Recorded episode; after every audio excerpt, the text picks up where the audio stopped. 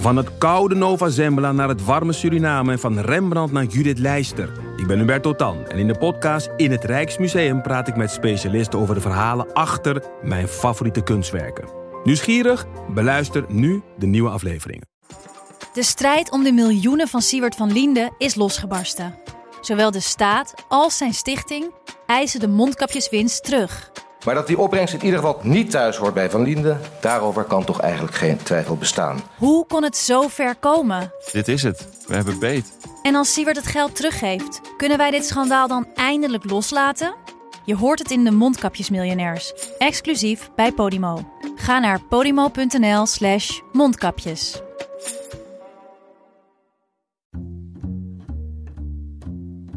Hallo, vanaf de redactie van De Groene Amsterdammer is dit uw wekelijkse podcast. Ik ben Kees van der Bos. Ik heb te maken gehad met seksueel getinte grappen, seksistische opmerkingen van collega's en leidinggevenden en ik ben betast. Ik heb te maken gehad met denigrerende opmerkingen. Ik kreeg opmerkingen over de rokjes die ik droeg. Dit zijn antwoorden die studenten gaven op vragen over hun ervaringen tijdens hun stage in de journalistiek. MeToo in de media. De jonge stagiair of stagiaire. Het grote machtsverschil wat verhuld wordt door weinig hiërarchische omgangsvormen. Ambities. Dolgraag bij een krant of een omroep willen werken. Uh, laten doorwerken, drank. Het zijn allemaal factoren die ongewenst gedrag mogelijk maken. En het komt voor, natuurlijk, ook bij de media. Studenten van de Fontes Hogeschool in Tilburg onderzochten het samen met Daphne van Pasen, hun docent. Welkom, Daphne.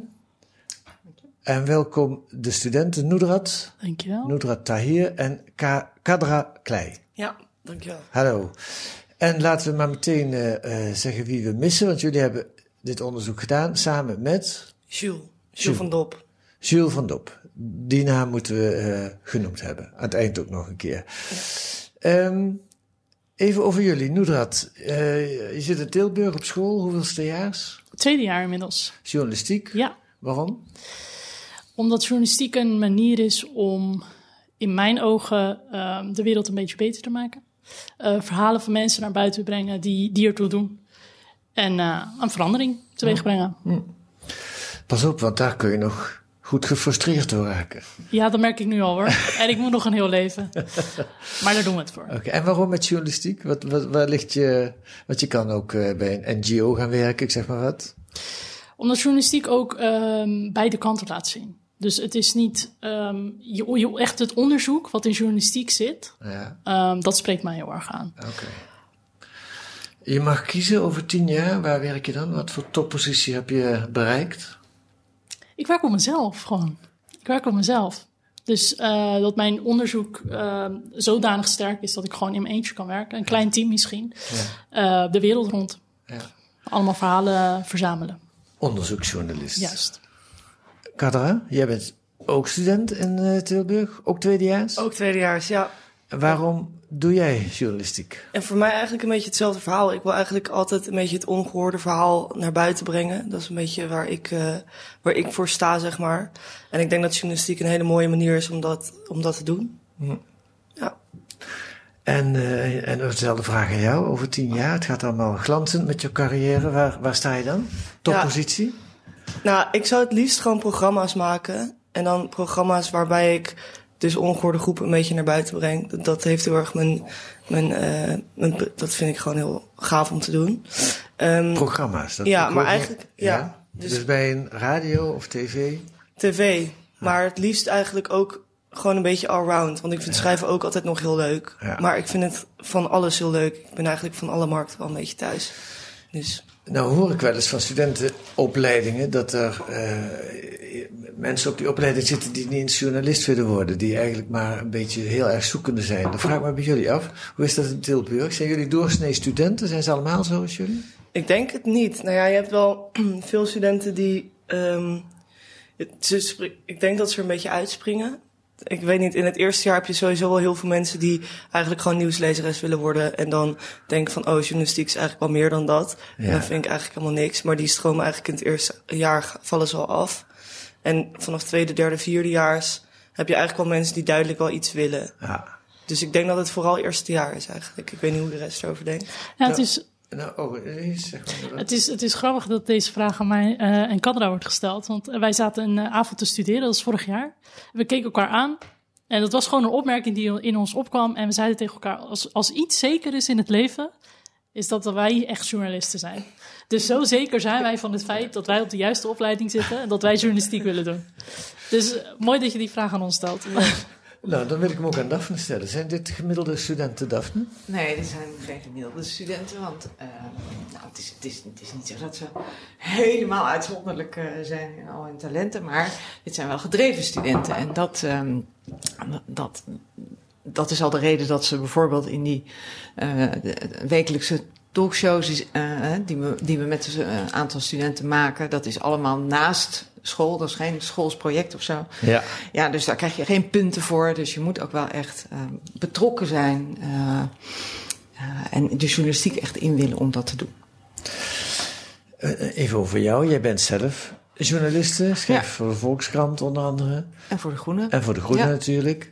En de, hoe, waar, hoeveel dagen in de week zit je in Tilburg? Ik doe het. eh, ik zit drie dagen eh, in Tilburg en eh, twee, maar zeg maar drie dagen freelance.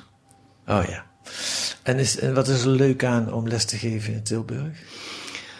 Nou, lesgeven in de journalistiek is gewoon heel erg leuk, omdat ik, ik zal eventjes toch maar uit de baan.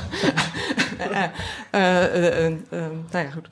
Het, het verklappen. Maar eh, toen, ik, toen ik begon, dacht ik van dat is, dat is gewoon handig. Hè? Een beetje basisinkomen en dan ga ik daarnaast eh, freelancen. Ja. Eh, maar inmiddels heb ik echt gemerkt dat het allebei de kanten eh, op werkt. Hè? Dus, dus het is, ik vind het goed voor studenten dat ik in de praktijk werk. Maar ik vind het ook goed voor mijn werk als journalist dat ik lesgeef. Omdat je je- van heel veel dingen eh, bewust wordt hè, als, je, als je daar lezing moet geven. Maar ook omdat je eh, ja, meegroeit met ontwikkelingen in de journalistiek, die eh, de, deze generatie, voor deze generatie al heel normaal is. ja. of normaal zijn. Dus dat, dat, het gaat echt twee kanten op. Jij leert er ook van. Ik vind het echt een superleuke combinatie. Ja. Goed, MeToo in de media. Meestal eh, zijn de media, eh, die stellen iedereen onder kritiek. Vooral de machtige eh, mensen die fouten maken. Jullie richten dus precaire gebeuren. Jullie richten de schijnwerper op onszelf, op de journalistiek zelf. Hoe, waar komt het onderwerp vandaan? Jullie, ik gooi de vraag met mee. Wie heeft het bedacht en waarom? Nou ja, we waren gewoon in de Camera. redactie dus... Oh, Nee, nee, nee. ik, voor de luisteraar zeg ik even jouw naam. Ja, we waren dus eh, in de redactie dus van, eh, van die uitzending die we elke vrijdag draaien, waren we een beetje aan het ehm, discussiëren over, ja, ja, heel cliché, maar hè, eh, wat er is gebeurd bij de Telegraaf en bij de Voice en zo, daar moeten we iets mee. Zoals Ja. ik nu al heel vaak hoor. Ehm, maar, en toen zaten wij zelf een beetje te discussiëren. En toen hadden wij het erover dat ehm, best wel veel mensen om ons heen... en we horen best wel vaak verhalen dat dat eigenlijk bij onze stages ook gewoon gebeurt. En eh, in de journalistiek dus eigenlijk ook. Dus toen zaten we te denken van ja, de journalistiek schrijft er zelf voor over... maar het gebeurt eigenlijk zelf ook wel veel in de journalistiek. Dus eigenlijk is dat misschien best wel een onderwerp. Ehm, en toen, toen, dat was een beetje de brainstorm. En toen uiteindelijk zijn we gewoon begonnen. Ja, het ging nog Ja. iets anders, want toen kwam er tegelijkertijd kwam er een verzoek van, van de Groene aan mij van, goh, wil jij eens nadenken over een verhaal als een soort vervolg op, eh, eh, nou ja, Boos. De documentaire. De docu- ja. Ehm, en toen vertelde ik, nou ja, dat, dat wil ik graag. Ik zeg maar, ik heb net deze discussie met studenten gehad. Eh, ja, misschien is het wel wat om, om daar onderzoek naar te doen. Maar, zei ik, dan wil ik het ook met studenten doen. Ja. Nou, en dat vond, vond eh, Evert, chef van de Groene, meteen een heel leuk idee. Dus dat, eh, daarom hebben we het zo gedaan. Dus een beetje experiment om het eh, nou ja, gezamenlijk, gezamenlijk verhaal te maken. Hoe, hoe- oh ja, ja, ik snap het. Want het is ook niet, je hebt het niet als docenten van hun gedaan. Het is een beetje naast de opleiding. Het is wel naast de opleiding. Hè? We, hebben het, ja, we hebben het echt ernaast gedaan. Ja. Ja. dat is meteen Ja. ook meteen het lastige ervan. Maar ja, Goed. Oké, dus je, je raakt met elkaar aan de praat over die documentaire. Daar komen eh, redelijk wat ervaringen via via en, eh, eh, naar boven van, nou, daar- kennen we ook verhalen van. Dus dan denk je, hé, hey, hier zit iets in. Dan wil ik even weten de volgende stap. Dan, ga, dan wil je het gaan onderzoeken. Hoe, hoe, ging dat? Wat doe je dan? Noedrat, kijk naar jou. Nou ja, de, de brainstorm was eigenlijk. ehm, nou, volgens mij hebben we er. eh, wat zijn onze eigen ervaringen misschien geweest? Ehm, en daarna hebben we besloten dat we een enquête moeten uitzetten, eigenlijk. Kijken in hoeverre hebben studenten ermee te maken gehad. Ja. Eh, en dat is eigenlijk de volgende stap geweest. Dus een beetje een beeld krijgen van: goh, hè, waar hebben we het over? Waar praten we nu over? ja. Oké, en dan maak je een vragenlijst. En dan, aan wie stuur je die? Eh, dat hebben we, ja, eigenlijk ehm, de, de, sowieso de opleiding waar wij zelf op zitten, hebben we dat gestuurd. We hebben het naar alle, hoe moet ik het goed zeggen, naar alle journalistieke ehm, opleidingen ook in heel Nederland gestuurd. Eh, via stagebureaus ook verspreid. Eh, van goh, willen jullie dit onder jullie studenten verspreiden? Eh, en om ons heen eigenlijk überhaupt gewoon, onder studenten, Ja. ehm, hebben we het gewoon verspreid. ja. Ja, we moeten er wel een- dat een beetje relativeren, hè, want dat via de opleidingen, dat ging niet heel soepel. Dus eh, dat moet ik er wel bij zeggen. Waarom niet? hè? Ja, dat, omdat. eh, Privacy. eh, ja, of omdat ze dan zeggen van ja, we, de, ze worden al zo doodgegooid met enquêtes. En, eh, en we, hè, één opleiding zei, we willen zelf misschien wel een soort, eh, zo'n soort enquête gaan doen. Dus ik vond eigenlijk die medewerking niet zo heel sterk. Eh, een paar goede eh, uit, uitgezonderd.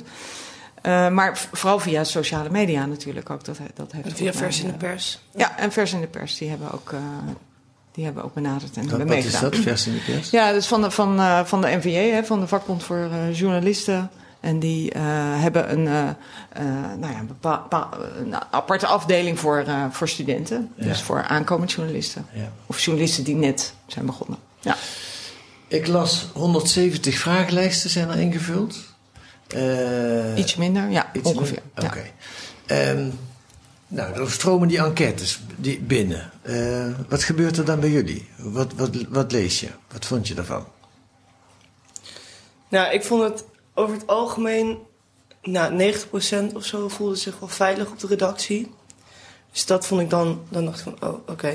Nou, dat is mooi. Die mensen maar ondertussen... reageerden ook. Ja, ja. Daar hadden we Zeker. specifiek om gevraagd. Dus Ja, steeds gezegd, hoe hè, voel je ook als je Ja. niks... Ja. Ook Ja. omdat we dachten ehm, dat studenten, en dat blijkt ook wel zo te zijn... ehm, grensoverschrijdend gedrag of MeToo associëren met echt de ernstige gevallen. Niet dat het andere niet ernstig is, maar goed. Ja. Eh, he- eh, aanranding en verkrachting, terwijl ja, het, het behelst veel meer. Ja. Dus daarom hebben we dat zo benadrukt. Ja, maar wat ik vooral frappant vond, is dat eh, heel veel mensen ook aangaven dat ze af en toe toch wel iets hadden meegemaakt of een opmerking. Of, maar dat wordt dan een soort van weggewuifd van, oh, maar dat is gewoon maar zo of zo. En dat vind ik dan wel, dan denk ik wel van, oké, er moet wel even iets aan gedaan worden, omdat het gewoon zo genormaliseerd wordt of zo. Omdat je als stagiaire natuurlijk in een hele kwetsbare positie zit, dat je gewoon eigenlijk alles maar neemt wat er op je afkomt. Mhm. Dat vond ik wel, dat vond ik wel chockerend soms. Ja. In Ja. die, om dat te lezen in, dat, in, die, in die antwoorden. Ja, dat is een deel van het probleem ook al meteen. Ja. Een opmerking naar je toe krijgt dat je denkt... niet wat een lul die die opmerking maakt... maar dat je ook denkt van wat, wat heb ik gedaan om die opmerking uit te lokken. Ja. Misschien is het goed om ook naar jullie eigen ervaringen te vragen. Eh, eh, Jullie, hebben allebei ook al stage gelopen. Nou, Noedrat, laat ik bij jou beginnen. Heb je ook zelf iets vervelends meegemaakt? Ja, helaas. Helaas wel. Eh, ik heb wel een stage gelopen. En dat was een collega van mij. En ik, ik zat, aan, ik zat aan, een, aan, een, aan een bureau waar ik aan het werk was. En die collega kwam bij mij zitten op mijn tafel. Ten eerste, daar begon het al. Hele rare positie. En ehm, hij vroeg aan mij, wat, we, hadden het, we hadden gewoon een leuk gesprek. Onschuldig. En hij vroeg aan mij, welke films vind je leuk? We hadden het over de films. Het was ook iets met cultuur waar je werkte, hè? Juist. Ehm, ik zei ja, ik ben echt van de horrors, van de thrillers. Heel, heel leuk, zat ik te vertellen. Hè? En eh, uiteraard vroeg ik aan hem welke films hij leuk vond. En toen benoemde hij dat hij films leuk vindt die je niet in normale bioscopen kunt draaien. Ik begreep het niet. Ik zo, oh, wat voor films zijn dat dan? Nou, toen benadrukte hij dat het eh, om pornografische films ging. En eh, daar liet hij het niet bij. Het was nog een schepje bovenop. Er werd nog een schepje bovenop gedaan. En hij zei: eh, Jij zou ook wel heel goed zijn in die films. Ik denk dat ik iets van 10 tot 20 seconden gewoon naar hem zat te kijken: van, Heb ik dat goed gehoord? Heeft hij dat echt gezegd? Gebeurt dit echt? Ja, En wat moet ik nu doen? Moet ik wegrennen? Moet ik, uh, moet ik schreeuwen? Of, uh, maar wat deed ik uiteindelijk? Ik uh, lachte het weg. Puur om, ik wist me geen raad. Ja. Ik wist me gewoon geen raad. Ja. En inderdaad het punt dat je gaat aan jezelf twijfelen. Ik heb elk moment daarna, na dat gesprek, heb ik gedacht...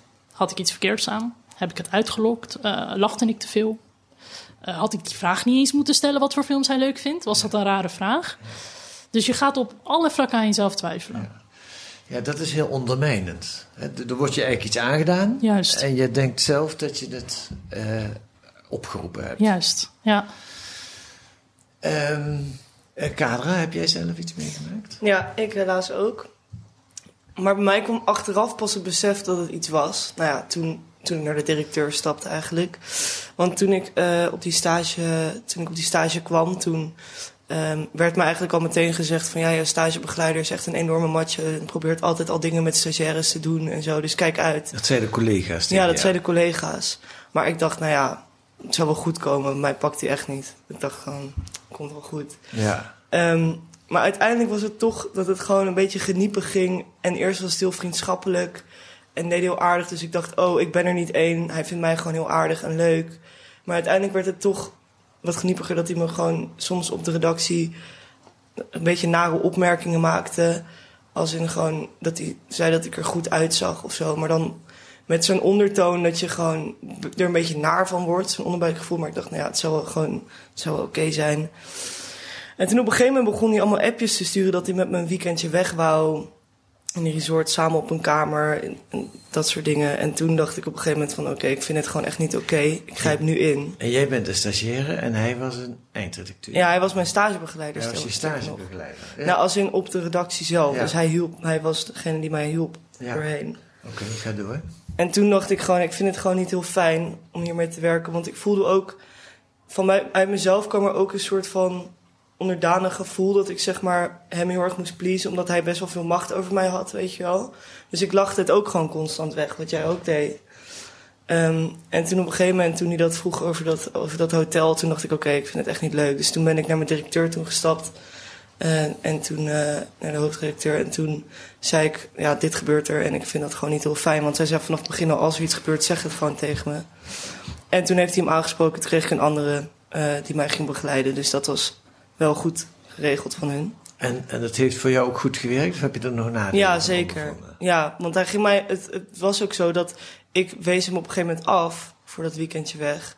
En vanaf die kreeg ik opeens, ging hij mij bijna, gaf hij mij bijna niks meer te doen, zeg Ja. maar. Dus zat Ja. ik eigenlijk gewoon niks meer te doen. Ja. Omdat hij natuurlijk die macht had. Dus toen ging me ook zeg maar een beetje onderdanig voelen van... oké, ik moet dan blijkbaar heel aardig tegen hem doen en me geven wat hij wil. Want anders dan ga ik mijn stage niet goed afronden. Want dan kom, kan ik niet produceren. Maar je vertelt het heel gewoontjes, maar jij bent wel in het geweer gekomen. Je bent naar de directeur gegaan. Ja, ja. Dat, daar heb je wel lef voor nodig. Ja, weet ik niet. Ik denk, ja, misschien. Maar ik dacht, ik grijp gewoon in. Hm. Ik heb er toen nog niet zo over nagedacht. Ik dacht, ik wil dit gewoon niet. Toen ben ik daarheen gestapt. En het, nu is het ook wel zo dat ik ook wel een hele fijne band met hem had. Met die directeur. Dat hij voelde een soort van... Hij vroeg ook altijd of alles goed was en zo. Dus misschien dat ik daarom ook zo veilig voelde om daarheen te gaan. Hij had een veilige omgeving Ja. voor jou gecreëerd. Ja. Noetert, hoe is het bij jou verder gegaan? Helaas eh, een paar opmerkingen verder. Later in de stageperiode kreeg ik ook opmerkingen over mijn kleding en over. Dus ik heb mijn kleding zelfs aangepast. Van diezelfde meneer. Ja, ja ik kreeg zelfs mijn kleding aangepast, eh, hem ontwijken. Ehm, maar ook echt, eh, wat bij mij ook heel erg naar voren kwam, is het, het, het, mijn vertrouwen in überhaupt de man was gewoon volledig weg. Dat, ik, ik, had gewoon zoiets van mannen, nee, ik moet niks van hebben. Terwijl dat, dat klopt ook niet. Door één, één weet je wel. Eh, wat heb ik toen gedaan aan het einde van mijn stageperiode? Toen pas dacht ik, ik moet er wel wat van zeggen. En dat was puur voor voor de volgende. Ik had zoiets, ik wil niet dat de volgende dit meemaakt. Dus toen ben ik naar mijn eh, stagebegeleidster toen gegaan. En die, die was wel echt, die zei, waarom heb je dit niet eerder gezegd? Want daar ga ik nu wat van zeggen. En die heeft er ook echt wel werk van gemaakt. Ik weet niet meer hoe het verder is gegaan, maar ik hoop gewoon van harte dat de volgende stagiaire daar niet mee te maken heeft gehad. Of stagiair. Ja, ja. Dus jullie zijn allebei voorbeelden van vrouwen die, niet alleen die iets meegemaakt hebben, maar die er iets mee gedaan hebben. Ik, eh, is dat, Komt het ook uit jullie onderzoek? Is dat gemiddeld? Eh, Laat eens naar Daphne kijken. Of zijn, is dat heel, hoe bijzonder is dat, dat zij in het geweer gekomen zijn? Nou, volgens mij is dat wel, wel bijzonder. Volgens mij gebeurt dat uh, nog steeds uh, niet zo heel vaak. Maar ik heb wel het idee dat er meer bewustzijn is bij uh, de jonge generatie. En juist door al die publiciteit en al die verhalen. Um, en, en, dat, er, en dat, dat zien we trouwens wel ook, zagen we ook wel in die enquête, dat, je, dat studenten zeiden: ja, na die uitzending van Boos hè, over de Voice, ben ik toch wel anders gaan kijken naar. En dan kwam er een bepaalde situatie. Dus ja. die ze voorheen als, nou ja, dat hoort er een beetje bij. Of het is niet zo ernstig zagen. Daar, nou ja, dat interpreteerden ze later toch anders. Dus, en dat vind ik, dat, dat is eigenlijk ook al, daar ben je ook al een stap vooruit natuurlijk. Ja. Ik bedoel, ik zou het, als uh, student was het echt niet mijn kop opgekomen om, ik zei het wel tegen medestudenten, maar om dat ergens bij een docent of bij, nou, om dat te vertellen. Ja. Dus ik vind dat, uh, dat, ja, dat geeft wel een beetje hoop, toch? Ja, ja. Een soort, toch een soort culturele verandering die eraan plaatsvindt. Ja, en ook omdat je het, door die verhalen uh, heb, je, heb je ook gewoon, ja, heb je toch ook de taal om het, ja. uh, om het, om het onder woorden te brengen. Ik wil zo naar de oplossing, nou ja, naar, oplossingen uh, kijken met jullie. Maar even uh, kort, want de mensen moeten het maar lezen in de groene, de uitkomsten van het onderzoek. Uh, Noedrat, laat ik dat aan jou vragen. Wat, wat, is de, wat zijn jullie conclusies uit die enquête? Um, nou ja, wat, ik, ik denk dat het ook wel belangrijk is om te benoemen dat we ook naar stagebureaus hebben gekeken en wat voor voorlichtingen worden gegeven. En of er voorlichtingen worden gegeven waar studenten op voorbereid worden op zulk soort gedrag. Ja. Um, en gelukkig zijn er enkele die daar wel wat mee doen en die daar wel extra aandacht op vestigen, maar er zijn er ook die dat niet doen nog. Mm-hmm. Um, en nu ga je wel in naar de oplossingen. Dat wou ik ja, ook wel doen. Maar, maar dat is. Um, ja, maar wat, wat, wat vonden jullie? Zijn jullie uitzonderingen of hoe vaak komt het voor? Ja, we hebben wel enkele verhalen inderdaad. Uh, ja, of het echt heel veel voorkomt. Ja, hoe moet ik dat zeggen? Want we het hebben merendeel vooral... eigenlijk niet. Hè? Nee. Dus het merendeel blijkt dan. Hè, dik 90, nou, 90% heeft het gewoon zegt van het was een, een veilige situatie. Ja. Uh, en er is uh, niks gebeurd. Uh, en het is, dat wil ik ook wel even benadrukken. Het is niet een representatief onderzoek, nee. hè, laten we wel wezen. Nee. Dus dat is, het is, we hebben het echt gedaan om die verhalen naar boven te krijgen. Ja. En ook wel om een beetje een idee te krijgen over, over hoe vaak het voorkomt. Maar het, voor dat hebben we eigenlijk ook wel gebruik gemaakt van andere onderzoeken. Um, en dat is niet in Nederland, is er geen onderzoek gedaan naar de journalistiek zelf, maar wel in Noorwegen en in, um, en België. in België. Ja, ik las uit het Noorse onderzoek dat 4,5% van de meer dan 3000 journalisten die daar gevraagd zijn, ervaringen hadden die uh, onaangenaam waren. Ja, maar dat waren echt seksueel grensoverschrijdende uh, ervaringen. Ja. Um, en dat lijkt dan heel weinig. Hè? denk je, nou ja, dat valt wel mee. Uh, maar dat is natuurlijk, als je dat vergelijkt met de gewone beroepsbevolking in Noorwegen, dan is dat, uh, ik geloof, vier keer zoveel. Ja.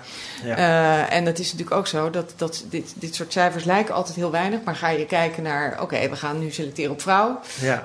we gaan nu selecteren op jonge vrouw. We gaan nu selecteren op jonge vrouw met een flexibel contract. of met, met, met, met, nou ja, met een, een, een jaarcontract. dan stijgt dat, dat cijfer enorm. Ja. Dus uh, dat is altijd het. Uh, ja, en ook als je naar de tijdseenheid kijkt, in Noors onderzoek vroegen ze het naar de afgelopen zes maanden bijvoorbeeld. Dan wordt het getal ook alweer hoger ja, als je dat ja, leest. Precies, dus ja. dat, maakt, uh, dat, dat, dat, dat maakt die cijfers altijd een beetje lastig vergelijkbaar. Ja. ja. En want in, in, in uh, het grenzenonderzoek zie je dat dat cijfer alweer veel hoger is. Ja. Ja, en je zou, die, die opmerking hoorde ik net van Xandra, je zou kunnen zeggen: de stagiaires zijn de kanarie in de kolenmijn. Ja, wij hebben ze de lichtmatrozen genoemd, hè? lichtmatrozen van de redactie. Van de redactie. Ja. Uh, ja ze zijn het kwetsbaarst. Hè? Want ze hebben gewoon, als je kijkt naar wat, wat maakt nou dat, dit, dat het vaker voorkomt. Nou ja, dat is dan wat we net al zeiden. Hè? Vrouwen maken het vaker voor. Hoe jonger, hoe, hoe vaker. Uh, flexibele contracten. Ja. Uh, maar dat grensonderzoek heeft ook gekeken naar uh, concurrentie. Dus daar waar de concurrentie groot is, en nou ja, dat is in de journalistiek echt zo, ja. daar komt het vaker voor. En we hebben de neiging om te denken in de journalistiek, nou, daar hebben we toch geen hiërarchische uh, uh, hoe heet dat, verhoudingen. verhoudingen. En, en wij hebben niet. het is, het, er werken ook heel veel vrouwen. Hè? Dat zijn allemaal dingen waardoor, het, waardoor dat minder vaak voorkomt. Maar het is wel, net als in de creatieve sector, een sector waar je heel erg afhankelijk bent van uh, relaties. Hè. Het is echt een netwerk. Je bent afhankelijk van je netwerk. En ook daarvan, dat blijkt ook uit het grensonderzoek, uh, hoe, hoe belangrijker een netwerk is, hoe vaker het voorkomt. En dan heb je in de media ook nog eens dat, dat ja, die netwerkgelegenheden zijn vaak tijdens borrels en feestjes en events waar ook nog heel veel drank uh, genuttigd wordt. En dat zijn ook allemaal ja. aanjagende ja. gegevens. Dus. Duidelijk. Oké, okay, nou hebben jullie dit in Tilburg onderzocht en, en, en op de kaart gezet. Staat nu in de groene. Wat betekent het voor de fondusopleiding? Gaan, gaan die er iets mee doen? Gaan ze iets in de opleiding veranderen of gaan ze... Nou, niet in de opleiding, maar er komt wel een. Uh, in, uh, in de voorlichting uh, gaan ze hier wel ook aandacht aan besteden. De voorlichting aan de, aan de studenten aan... als ze op stage gaan. Ja. ja. ja. Ja. ja. En er is natuurlijk altijd al een, um, uh, een stagebegeleider hè, die, die uh, vinger aan de pols houdt. Mm -hmm. En wat mij ook wel opviel, eigenlijk uit die enquête, bleek ook wel dat er heel veel uh, stagiairs zeiden dat er naar aanleiding van Boos meteen gesprekken waren met stagiaires of mailtjes uit, uitgingen. Dat is niet vanuit school trouwens, maar. Vanuit de stagebedrijven. Ja, ja. Dus er gebeurt ook heel veel goeds. Hè? Daar ja. moeten, moeten we natuurlijk ook. Nou, dat kunnen jullie ook misschien beamen in die zin. Jullie zijn dus allebei voorbeelden van, jammer genoeg, vrouwen die iets vervelends meegemaakt hebben. Maar gelukkig vrouwen die ook weer in geweer gekomen zijn. Wat moet er in de opleiding komen, vinden jullie, voor, voor jezelf, maar ook voor je medestudenten, om dat zij in de toekomst ook, net als jullie, durven iets te, tegen te doen? Nou, ik denk wat het eigenlijk altijd wel bespreekbaar maakt, is gewoon een open debat. Dus wat er toen ook gebeurd is bij Boos, is dat gewoon mensen erover gaan praten. En ik denk dat als er dan voorlichting over wordt gegeven, dat het dan um, dat mensen sneller um, bes besluiten om het ergens te gaan melden en het niet voor zich houden. Want als, het, als iets bespreekbaar wordt, dan wordt het ook bespreekbaar om het te melden bij iemand. Ja. Dus ik denk dat dat um, gewoon een belangrijke zaak is, dat het gewoon besproken wordt. En ook gewoon niet wordt weggewuifd en niet onder de tafel wordt geschoven. He, daarom vertellen wij ook nu hier wat we nu vertellen. Omdat, ja, ja het gebeurt gewoon. Ja, ik... Jij zit heftig ja te knikken. Ja, ik, met, met elk woord ben ik het eens. uh, ik denk ook... Uh, herhaaldelijk laten weten dat er een plek is waar je je verhaal kunt doen. Ik denk dat dat ook heel belangrijk is in deze tijd. Kijk, je kunt het natuurlijk, het, uh, inderdaad, het open debat, hè, mm -hmm. heb het erover. Mm -hmm. Je hebt bijvoorbeeld stage terugkomdagen of dergelijke. Heb het erover, maar geef ook vaak aan, de, die mogelijkheid is er. Dit is de persoon bij wie je kunt zijn. Ja. En je kunt alles zeggen. Ik denk ook hoe vaker je het zegt, hoe vaker je laat weten, je kunt dit zeggen. Er is niks mis mee, zeg het alsjeblieft. Ja. Ik denk dat dat een student ook het gevoel geeft: ik kan mijn ei kwijt. Ja. ja. En dat studenten ook moeten weten dat, ook al ben je stagiair en ook al zit jij in een hele kwetsbare positie, ben jij nooit degene die fout zit. Want ja, dat dacht ik toen ook van ja, misschien doe ik iets verkeerd of ja. zo. Daar ga je ook heel erg over denken. En natuurlijk wil je hoger opkomen, natuurlijk wil je stage goed doen. Natuurlijk wil je niet dat, um, dat, dat je stage, dat je een slecht cijfer krijgt omdat je um, er iets van hebt gezegd. Maar dat, denk dat die kans heel onwaarschijnlijk is ja. als je het meldt. Nou, en dat bespreekbaar maken hebben jullie in elk geval op alle mogelijke manieren nu bijgedragen. Uh, dankjewel uh, voor jullie verhalen en voor dit onderzoek. Nudrat Tahir, uh, Kadra Klei, en die moesten we ook nog meer noemen. Jules van Dop. Jules van Dop. En Daphne van Pasen, die je net even hoorde. Dank jullie wel. Dankjewel.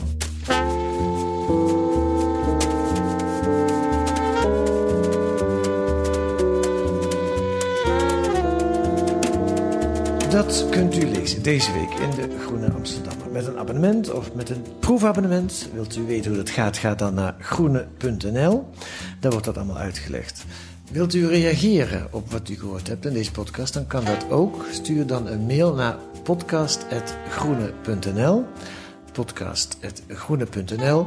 Wij zullen de mails die binnenkomen eventueel doorsturen naar de auteurs. Goed, volgende week zijn we er weer met analyses en achtergronden bij nieuws in deze podcast van de Groene Amsterdammer, die dan door Stefan Sanders gemaakt zal worden.